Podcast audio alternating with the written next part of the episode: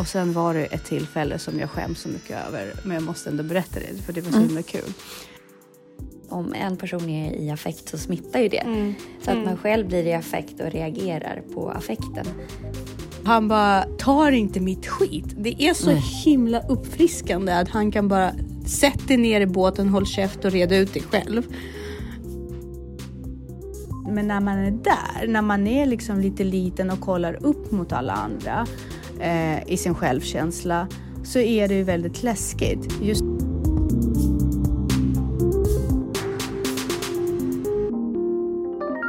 Hej Jessica! Hej, hur är det? Det är väldigt, väldigt skönt faktiskt, måste jag säga. Eh, det roliga är att både du och jag har varit ute och fart den här veckan, förra veckan. Och du berättade lite grann om din fantastiska segling. Eh, Vart är det ni seglade? Oj, alltså vi seglade i Stockholms eh, skärgård. Och, eh, så att vi seglade norröver upp mot Arholma. Och tillbaka. Mm. Och eh, det var en familj, alltså ni hade lite mer familjeomgänge. Mm. Hur är det att vara fast, fast på en båt med, med Nej, så men det många var en ganska stor båt. Eh, Ja. Och sen så var ju just de här familjemedlemmarna är ju väldigt, alltså de är ju vana seglare så att Ja. de vet ju hur man beter sig i grupp.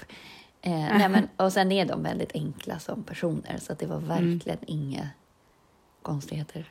Så, Jag kom precis på att det var bara män. ja, och jag. Ja, och du, ja, men, men precis, det är ju enklare. ja. Liksom. Oftast är ju, um, alltså, om man ska generalisera över kön så eh, kvinnor har ju oftare, det blir ju oftare mer konflikter med kvinnor i grupp om det är för att kvinnor vill mer eller liksom män är ganska så här easy going liksom. Ja, jag tror också att kvinnor är, alltså kvinnor tar gärna på sig rollen att fixa för gruppen och då krockar det ofta. Jag tror att, eh, jag tror att det går tillbaka. Det tänkte jag på när vi var på din möhippa, för då var vi ju bara tjejer och alla var fantastiska och underbara och sådär. Men alla hade ju på något sätt i sig det här med att hur gör vi? Hur gör vi? Liksom, män är väl bara så här, nu kör jag och sen så de som vill haka på. Medan kvinnor har lite så här, det tuna in med varandra hela tiden. Nej. Nej, men jag tror också att det blev lätt här var nog kanske för att dels både pappa och Daniel är ju svin erfarna seglare. Liksom. De har ju tävlat och så, här. så de är ju van vid kappsegling och då görs det på ett visst sätt. Så att det, hela deras system är ju, det är ingen som ifrågasätter det eller liksom, man bara anpassar sig. Jag är inte alls van att segla så att jag har inte några åsikter. Eh, så att, och sen hur komplicerat är det liksom? Egentligen, alltså det är inte så mycket som man kan ha åsikter om. Alltså så länge man vet förutsättningarna eh, och inte och ja, men Jo, liksom jo. ansvar för sig själv. Jag tänker generellt mer i gruppdynamiken med män så tycker jag ofta att det blir enklare eh, överlag därför att på något sätt så tror jag att kvinnor vill väldigt mycket eh, liksom gruppens bästa ofta och då blir man tänker för mycket eller det kanske bara är jag men eh, jag tänkte på det när jag var eh, på din möhippa. Jag gick ifrån där en liten stund för jag behövde vila. Mm. Och jag tänkte alltså, för, bara för några år sedan, jag hade aldrig vågat göra det. Och eh, nej men jag, jag gör inte. För alla satt ju och socialiserade och, det var verkligen jätte, jättemysigt. Det var inget jag ville men jag hade ett behov av det. Alltså jag hade aldrig tänkt på det om jag var i en grupp med killar. Jag hade aldrig tänkt på att det är någonting weird med det. Nej. Att man bara går ifrån en stund. Men när man är med tjejer, då, då är man så mån om att ingen ska tro det är dem och du vet så här. Man, man är lite så här rädd, vad kommer de tro? Alltså, jag vet inte, det kanske bara är jag. Eller så kanske det är lite så här. Nej, det tror jag är Men- jättevanligt. Alltså det, men det vet jag även killar. Eller framförallt så här, eh, om man är ett par och så vill den ena orkar typ inte. Alltså om man är på en jättelång Mm. fest eller något sånt där. Eh, så kan man ju gå, ju liksom gå avsides en stund bara för att liksom, Mm. ja, pausa lite. Och att den andra då blir sur. Men det kanske är mer för att den inte vill vara själv eller något sånt. Liksom. Alltså, Ja. "Gud, du är jättekonstig som bara går iväg. Så då tror ju folk att du är knäpp. Typ. Men det, där, det, det är ju bra så att prata om sådana saker för att man funkar verkligen på olika sätt. Jag, jag har ju varit gift med en person som har varit introvert och Mm. i, liksom, i, i samband med honom så verkade jag extrovert, vilket fick mig också att slita ut mig mycket mer därför att jag, jag hade den rollen i Ja, man måste så här kompensera lite. Precis. Om den Så andra man- är lite sur och butter eller otrevlig, så, sådana relationer har jag också haft. Då blir, går man, och då blir det så kontraproduktivt för att om den är lite avig och sur från början Ja. och då blir man själv så här supertrevlig för att bara, vi är trevliga egentligen. Liksom. Exakt, och då blir den exakt. ännu surare för den upplever att man håller på och försöker så här flirta med folk eller så här, vara så här Exakt extra trevlig fast man bara försöker kompensera för dens sura beteende. Precis, och, och så, men nu är det ju mycket, mycket enklare för att nu försöker jag i första hand tänka på mina behov. Men, men det är fortfarande, alltså man känner fortfarande av det. Men det är liksom spännande hur det funkar. Men eh, ska vi säga varmt välkomna till Ansvarspodden.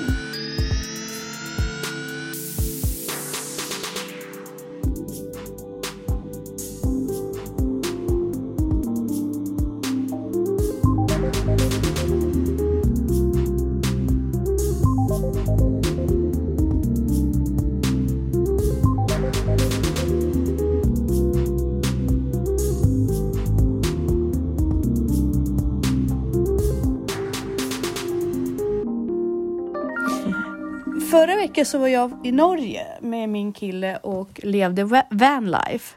På tal om det här med att hela tiden vara varandra på nerverna. Eller vara fast med varandra hela tiden.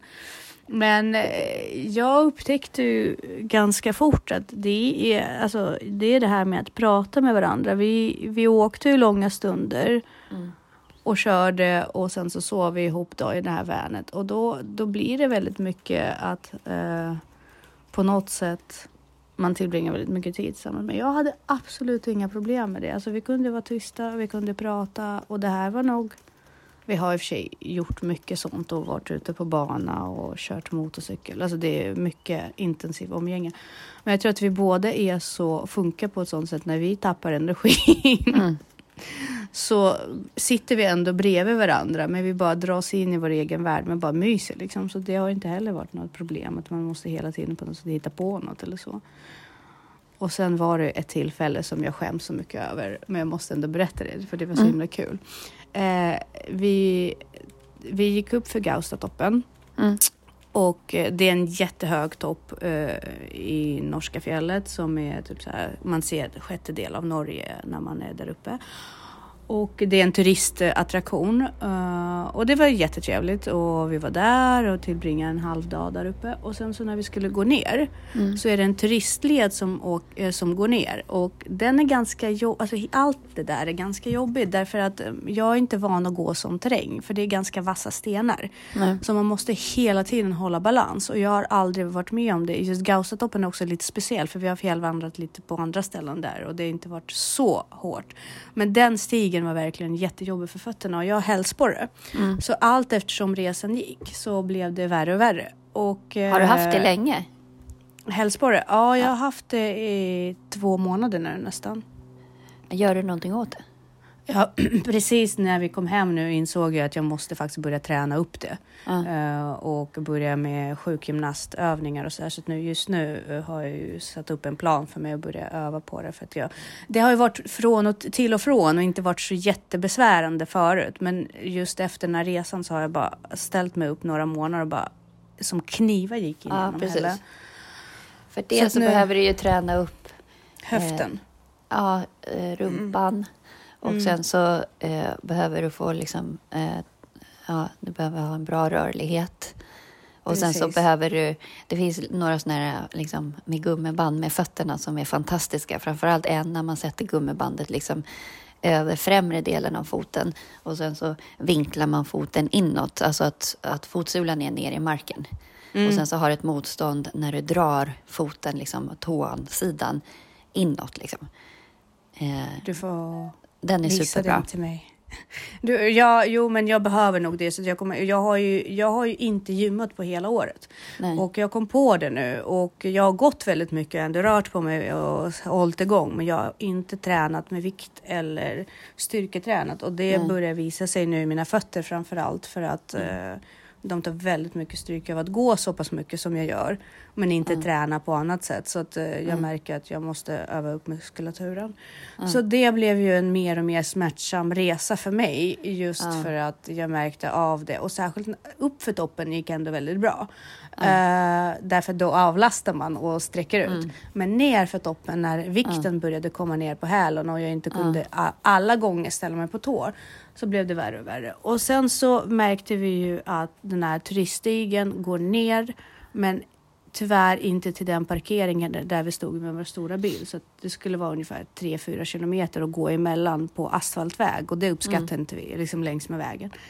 Så då säger min briljanta pojkvän att eh, det här måste vi bara gena genom fjället. Vi behöver inte ta turiststigen utan vi ser ju det från toppen hur de, eh, liksom, hur de eh, ligger ifrån varandra. Så vi bara genar igenom. Och det är inga problem alls. Det är ganska äventyrligt. Jag uppskattar det och jag tycker att här, han har en väldigt, det här är hans äventyrliga sida. Att bara gå av stigen är ganska härlig. Alltså att man bara kör sin egen race. Så ett vanliga fall hade jag bara, men så går vi av stigen. Och sen så förvärras ju väg, eller vä, väglaget förvärras ju för att det blir större stenar, vassare stenar och jag blir tvungen att balansera mer. Och rätt vad det är så börjar jag gråta. Och jag gråter och bokstavligen, jag går som ett tjurigt barn. Jag bara, det här var ju bra. Varför kunde du ta en vanlig stig? Som alla andra människor. Och vi måste verkligen alltid även... Nej, vi gör det. Han bara, men vill du gå tillbaka till stigen? Liksom helt så här normal. Jag Ja. bara, nej, nu vill du gå av.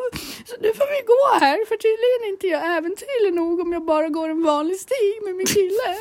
Men alltså, börjar- ville han gå av för att det var kortare eller bara för att Ja, und- ja. både och. Alltså varför inte? Alltså, det var, för honom var det ganska naturligt. Så här, vi ska dit, varför inte? Ja. Och vi har ju... fler- Jag alltså, förstår vi har honom helt. Ja, ja, ja. Alltså, det var ju väldigt logiskt. Under alla andra omständigheter Ja. så hade det här inte framkallat en sån eh, liksom, eh, reaktion från mig heller. För att det är verkligen vi. Vi gör sånt. Alltså, Ja. Det är inga konstigheter. Vi friklättrar en del och ifall vi behöver och sådär. Det är inga problem. Så eh, då gjorde, så började jag gråta mer och mer och bara buttra och till slut så putade jag verkligen med läppen. Alltså han bara, han bara sätt dig ner. sätt dig ner och bara förklara för mig vad det är som händer. Och så bara, jag bara sätter mig ner och så sitter jag ner en stund. Och han bara kramar om mig. Han bara, du, det är ingen fara. Vi kan göra precis som... Alltså, du är verkligen så här lugn. Och jag går upp i varv som om han säger emot mig. Jag märker ju det själv. Min reaktion är att jag går med. Och så sitter vi en stund och jag bara, vet du? Vet du, jag tror att det här hände för att när vi gick av stigen, då ökade min smärta. Och jag var så trött redan egentligen efter en hel dag. Så att det var liksom droppen för mig. Så när smärtan gick upp så orkade inte jag hålla masken längre. Så jag blev Nej. bara, jag hade bara ont. Ja. Och det här beteendet liksom det svämmade över. Ja. och blev till en sån liksom barnslig episod. Jag var bara Mm. trött, ett trött barn som hade ont egentligen. Det var det som kom fram. Mm. Och han bara, nej men jag fattar. Vad vill du göra nu? Jag bara, nej men jag vill nog forts- fortsätta för nu när jag fattar vad det är som händer med mig så är det ingen fara. Mm. Men det var så himla skönt att ha med mig en person som inte gick upp i varv med mig Mm. och liksom på något sätt kunde axla det och inte ifrågasätta eller bara känna sig utskälld eller bara, utan bara var där och bara stöttade mig och försökte reda ut, inte blev rädd för mina känslor helt enkelt, för det, det, var, det är fortfarande väldigt nytt för mig. Och så himla spännande. Så att när vi gick upp sen så tyckte jag, det var ju fantastisk väg vi gick. Och sen så hamnade vi på lite träska ställen och så. Men överlag så var det väldigt roligt att få gå av stigen och så. Men just det här fantastiska med att man, man blev uppfångad i en svår stund emotionellt och man blev inte utskälld för att man grät och mådde dåligt.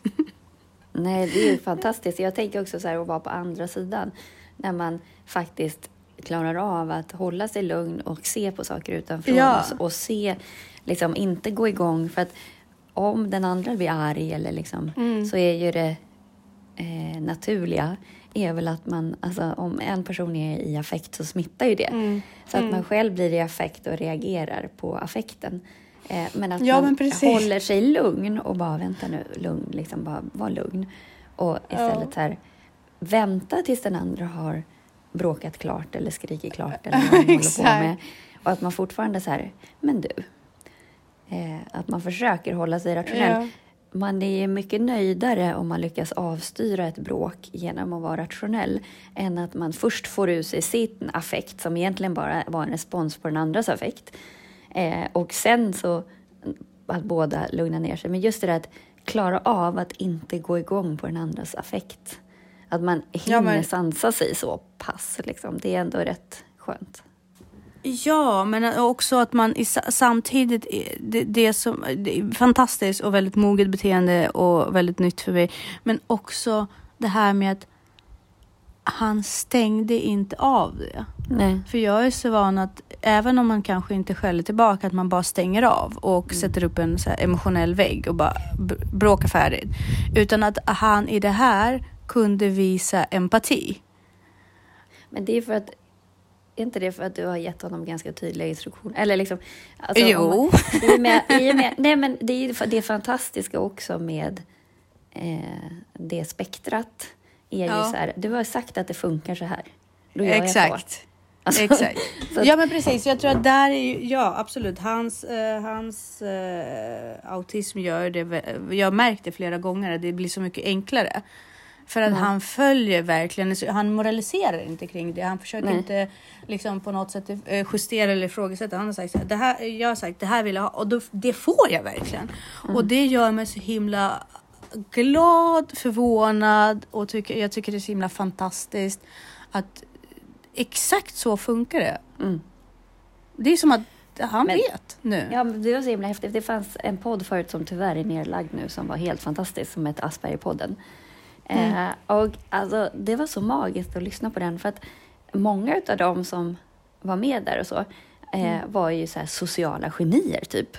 Eh, Ja. De bara, fast det är jättelätt ju, det är bara att följa. Alltså det finns Ja, ju men- regler för hur saker ska gå till. Så, här. så att, mm, att de upplevde att så här, eller det, det var dels alltså deras vä- några vänner, alltså det var ju kompisar, så att några Mm. hade Asperger och andra inte. Och så där. De bara, alltså jag hade aldrig innan jag visste kunnat ens tro att du hade Asperger. För Mm. att du är så otroligt, du är duktigare än typ alla andra vad det gäller socialt kod och så. Mm. Och hon bara, men det är ju för att jag har satt mig in, alltså jag har läst, alltså jag, du kan ju du också göra, men, men den normala människan gör ju inte det för att man inte tror att det behövs. Men egentligen borde ju alla så här, äh, sätta sig in i, i sociala koder på det sättet som hon hade gjort.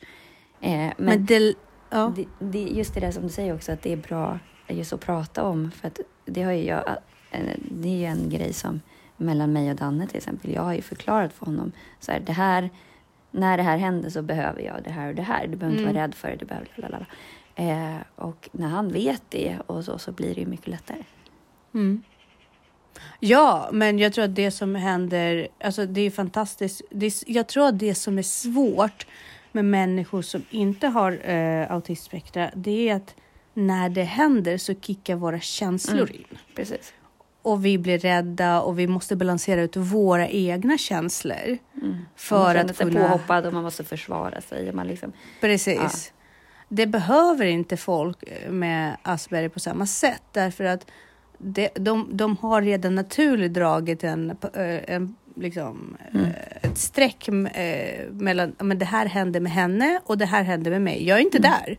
Alltså jag behöver inte på något sätt. Det här är hennes grej och hon har sagt att hon behöver det här och då ger jag det bara henne för de blandar inte in sig själv emotionellt för de fattar det här avståndet mellan känslor. Att det här är inte det som händer med mig just nu. Så att, eh, eller de uppfattar det annorlunda om man säger så. Eller många av dem. Jag vet, just min kille gör det, vilket är ganska skönt. Sen kan jag ju, alltså jag har ju märkt att jag är så himla provocerande att jag kan få till och med hans lugna vatten och börja storma. Men, eh, men det var enormt. Och han vet ju också, han, bara, han vet att när jag blir på dålig humör, då säger han så här, är du trött eller hungrig eller båda? mm. Du bara, hur fan ska jag veta det? Exakt, exakt säger jag. Jag bara, "Men, påstår du att jag är som ett barn? Som... Han bara, nej, det är inte det jag påstår. Men du är antingen trött eller hungrig, för det har du själv liksom sagt. Ja. Så vad behöver du? Och du vet, det är så skönt att han kan vara så cool i den stunden. Ja. Och han bara, tar inte mitt skit. Det är så Nej. himla uppfriskande att han kan bara, sätt dig ner i båten, håll käft och reda ut dig själv. Ja. Och det är så himla stärkande och helt så här, nytt och fantastiskt för mig. Och just att sådana situationer när vi är ute på fjället eller utsätter oss för andra roliga äventyr, att Mm. vi kan lära oss det här i, i, i verklighet. Alltså hur jag fungerar under stress, hur han fungerar under stress och sen finnas där för varandra. Det är kul. Det är väldigt spännande. Och fantastisk natur. Ja. Extremt dyrt dock. Om ni åker till Norge, bunkra upp med mat i Sverige. Väldigt herregud. Väldigt, väldigt dyrt. Men eh, fantastiskt eh, vackert. Ja. Gud vad vi snöade in oss på annat. Ja, exakt. Eh, Men det är inte det vi ska prata om idag. Nej, men det är inte det vi ska prata om idag, men ändå lite grann. Därför ja, men vi ska prata in. om ett nygammalt ämne här som Precis. ständigt aktuellt. Eh, vi kanske ska lägga in en liten brasklapp att vi är ju lite partiska i den här diskussionen. Ja, ja, absolut. Vi ser inte det här som eh, objektiva forskare. Nej, man kan väl säga att vi, det- det är nästan att vi bara fick lite vatten på våran kvarn. Ja, lite så är det faktiskt. Lite så är det. Men, eh, men jag tror att jag, jag blir fortfarande lika förvånad varje gång att vår hälso och kostlära ser ut, alltså konventionella, Mm. fortfarande är så förlegad Mm. som den faktiskt är. Ja, och sen också, det tänker jag mycket på om man tittar på undervisningen i skolan, att det är så många hemkunskapslärare till exempel, eller, eller biologilärare eller kemilärare som ändå uttalar sig om kost och Mm. är så, inte insatta, men även också att läroböckerna är så eh, ja, efter eller omoderna. Mm. Ja, precis. Och, och grejen är också att jag, jag tycker fortfarande att det är väldigt skumt att man rekommenderar de här mackorna till barn som mellanmål. Ja. Eh, man rekommenderar att dricka mjölk. Att man rekommenderar så mycket eh, som är, och hela tiden det här, det måste vara välbalanserad kost, det måste vara välbalanserat, du måste ta in det här, det här. Och inte tar i beräkning det som forskare har nu sagt om hur hjärnan fungerar, hur man reagerar på vissa substanser och bara kör på för att det är tryggast. Då kan man inte få skit för det. Nej. Eh, men när du och jag träffades, eller när vi började podda, då var ju jag vegan. Eh, då var ju, det var ju också då jag uppmärksammade min mentala hälsa. Du var ju, I min miljö var du en människa som faktiskt uppmuntrade uh, mig att testa allt det här jag hade inlåst i mitt eget huvud och verkligen hade behov av att uttrycka. Och du var ju, du, det är det enda du egentligen sagt, och så här, hur farligt kan det vara? Bara lev lite. Men eh, medans, och nu i retroperspektiv så kan jag ju se att eh, det var ju inte så farligt, men när man är där, när man är liksom lite liten och kollar upp mot alla andra eh, i sin självkänsla, så är det ju väldigt läskigt. Just nu när jag har tagit mig ut ur den miljön, de normer, alltså liksom sett på saker och ting på ett annat sätt, upplevt mer, då känns det inte liksom lika, li, eh, lika stort längre heller. Och det är väl igen den, det enda du har sagt. Du har sagt så här, ju mer du, du gör någonting som känns jobbigt och motigt, desto bättre blir du på det. Och desto mindre jobbigt känns det. kommer alltid ta emot, men det kommer ändå kännas som att du har läget under kontroll och du kommer inte vara lika rädd när du gör det. Så att, och det är väl det enda, enda jag har praktiserat helt enkelt. Om någonting har känts jobbigt så har jag bara gjort mer av det. Eh, och sen har ju det fått en spillover-effekt och eh, ja, Vad gullig du är. Och sen har du ju pratat om grit också och det, det är någonting som också jag behövt höra mer av. Inte skä- få mig att skämmas över att jag inte gör vissa saker utan att faktiskt hålla fast vid vissa saker bara för att man har lovat sig själv eller någon annan det. Och det är klart, alltså, det är det, men ett litet exempel är med våra illustrationer. Det tog över två år. Det tog det tre Nej. månader att skriva boken. det tog mig över två år att göra det här, eh, de här eh, illustrationerna. Och någonstans, jag fattar ju grejen. Jag, jag fattar att du hade jättelätt kunnat få mig att slippa det. Det är inte det. Det var inte jobbigt för dig att få någon annan att göra illustrationerna. Eller, men det var ju själva grejen. Att jag har committat och du trodde på den. Alltså, du gav ju bara mig liksom, det här förtroendet. Ta din tid, men jag vill få det. Alltså, jag vill verkligen att du gör det. Och det är bara den här tron på att jag skulle klara av Jo, det. fast du är så himla duktig så det är inte... Ja, så det är ju inte bara att, att vem som helst kunde göra heller, för att du gjorde det ju väldigt bra. Jo, men tack. Alltså jo, absolut. Tack. Alltså, jag, blir, jag blir så himla rörd. Tack. Jag, jag, men det är ju den här förhållningssättet som fick mig till slut att få fram det. Det var ju det som fick mig. Det, jag hade ju aldrig gjort det. Jag hade aldrig orkat. Jag hade aldrig liksom fortsatt att tänka på det om det inte vore för det här enkla faktum att du gav mig den friheten att vara mig själv Cool. också, men också tillit och stöttning och, i det här att men det är just det jag vill ha, tilltron, inte till, men tilltron och, och det här att ja men vet du, det är okej för det är det jag vill ha. Och jag tror att det, det är det som gör att man orkar. Det är den här eh, tilltron till att jag kommer göra det rätta. Eh, och villkorlös tilltro till det. Bara, jo, men jag vet att du kommer för att jag väljer att tro att du är den typen av person. Jag vet att du kommer klara dig om du går igenom en skilsmässa för du är en sund och förnuftig person till skillnad från andra människor som har omringat mig som har sagt så här. Fast är du säker på att du kommer klara det efter det? Då är man inte så jävla säker. Alltså om någon i, nära dig, närstående, säger Nej, jag vet inte riktigt om du kommer fucka upp ditt liv om du skiljer dig. Det är bäst att hålla fast vid honom. Liksom. Medans du hade gett mig... Ja, men du hade ju en ganska bra uppförsbacke för att typ Alltså första gången när vi pratade, då hade ju du typ veckopeng och så här. Ja, Så du ja, hade men ju, precis, ja, men du så hade var ju det. En ganska, ganska många kurser att gå. Ja, ja absolut. Jag hade, jag hade ingen aning om ekonomi överhuvudtaget. Jag, jag vill påstå att jag fortfarande det är min svagaste sida och sådär. Jag lägger upp en budget och håller mig fast i det och förstår hur pengar funkar. Men det är också för att jag har blivit fråntagen all möjlighet att öva på det. Uh, av en eller annan anledning. Det här är inte någons fel utan det har, det, livet formades så tyvärr. Och, eh, men, men se här, alltså jag vill inte påstå att eh, allt är tipptopp ännu, men eh, jag klarar tydligen av att leva på ett sätt som passar mig.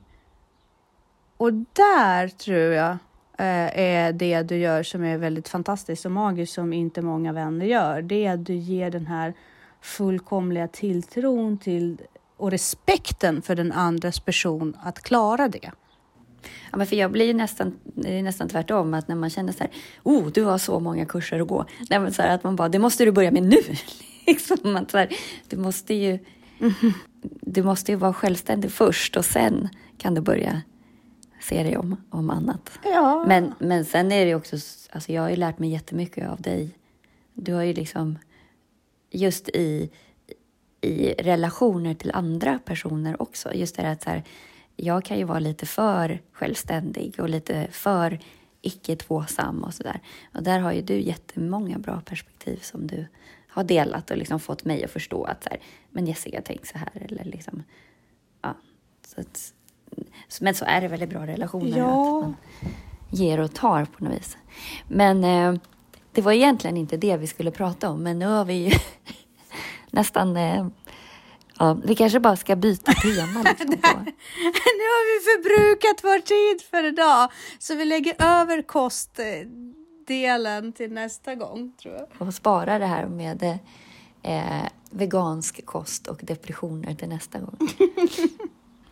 ja, men för det vi, vi hittade, eller det som vi har pratat om tidigare som vi har sett, det är ju att just det här med varför vegansk kost och vegetarisk kost påverkar hjärnan negativt, framförallt i bildandet av tryptofaner och dopamin och serotonin och sådär. Eh, vilket gör att eh, psykisk ohälsa är överrepresenterad hos veganer eller vegetarianer. Sen kan det också bero på att när man blir vegetarian eller vegan så kanske man bara plockar bort kött. Man är inte noga med att se ersätta med saker. Eh, och eh, även om du inte kan ersätta allt så kan man ju vara bättre eller sämre. Ja. Nu är det väldigt dålig mottagning här så att vi kanske bara ska avrunda eh, och säga tack och hej. Exakt. Exakt så. Men eh, tack och hej.